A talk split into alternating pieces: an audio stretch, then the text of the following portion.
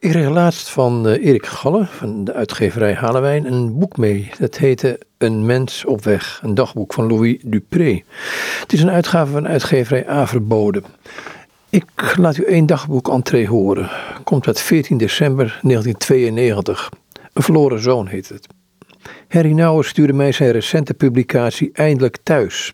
Een meditatie bij Rembrandts schilderij De Verloren Zoon, dat zich bevindt in de Hermitage in Sint-Petersburg.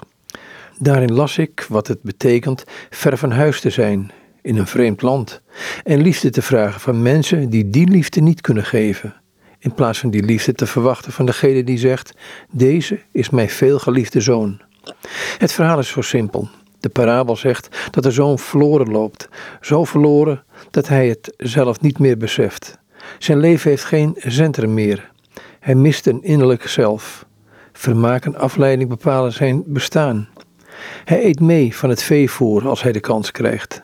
Zijn geweten en zijn lege maag plagen hem en hij besluit naar huis terug te keren.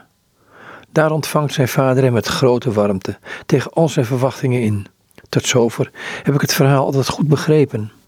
Maar in het tweede deel komt de oudste zoon ten tonele en dan krijgt de parabel iets mysterieus.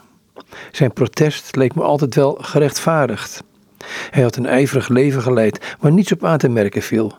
En nu vindt hij dat zijn inspanningen niet beloond worden. Terwijl zijn roekeloze broer, die zijn familie veel verdriet bezorgd heeft, mag rekenen op alle aandacht van zijn vader. Toch komt hier de diepere betekenis van die parabel tevoorschijn. En het punt is niet dat de oudste zoon het bij het verkeerde eind heeft. Zijn vraag was terecht. En laat zien dat er een verschil bestaat tussen Gods liefde en die van ons.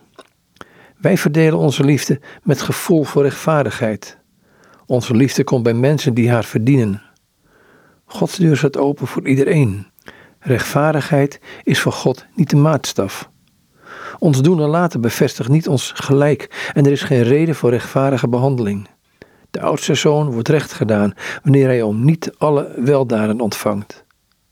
De vader zegt: Jongen, jij bent altijd bij mij en alles wat ik heb is van jou.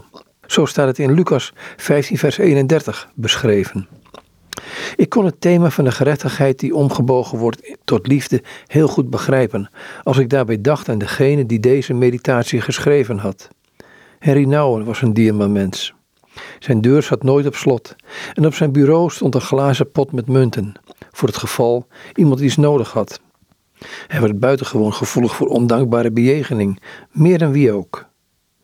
Maar recht hebben op iets kwam in zijn hoofd niet op. Zijn omgang met anderen beschouwde hij alleen als goed en rechtvaardig wanneer hij hun eerst zelf liefde betoond had. Ik heb heel veel aan hem te danken. Ik ontmoette hem in de donkerste periode van mijn leven. Als goed geschoold psycholoog hielp hij mij er doorheen. In alle opzichten hield hij zich aan de regels van zijn vak, maar in één ding niet. Hij wilde nooit enige vergoeding voor de diensten die hij verleende. Hij was echt een man Gods. Hij begreep hoe Gods rechtvaardigheid in elkaar zit. Al dus een entree uit het dagboek van Louis Dupré. Hij is gestorven in 2022 en was jarenlang hoogleraar aan Yale University in Amerika. Het komt uit het boek Een mens op weg, een dagboek van dezelfde Louis Dupré en werd uitgegeven bij uitgeverij Averboden en komt binnenkort in het fonds van uitgeverij Halewijn in Antwerpen.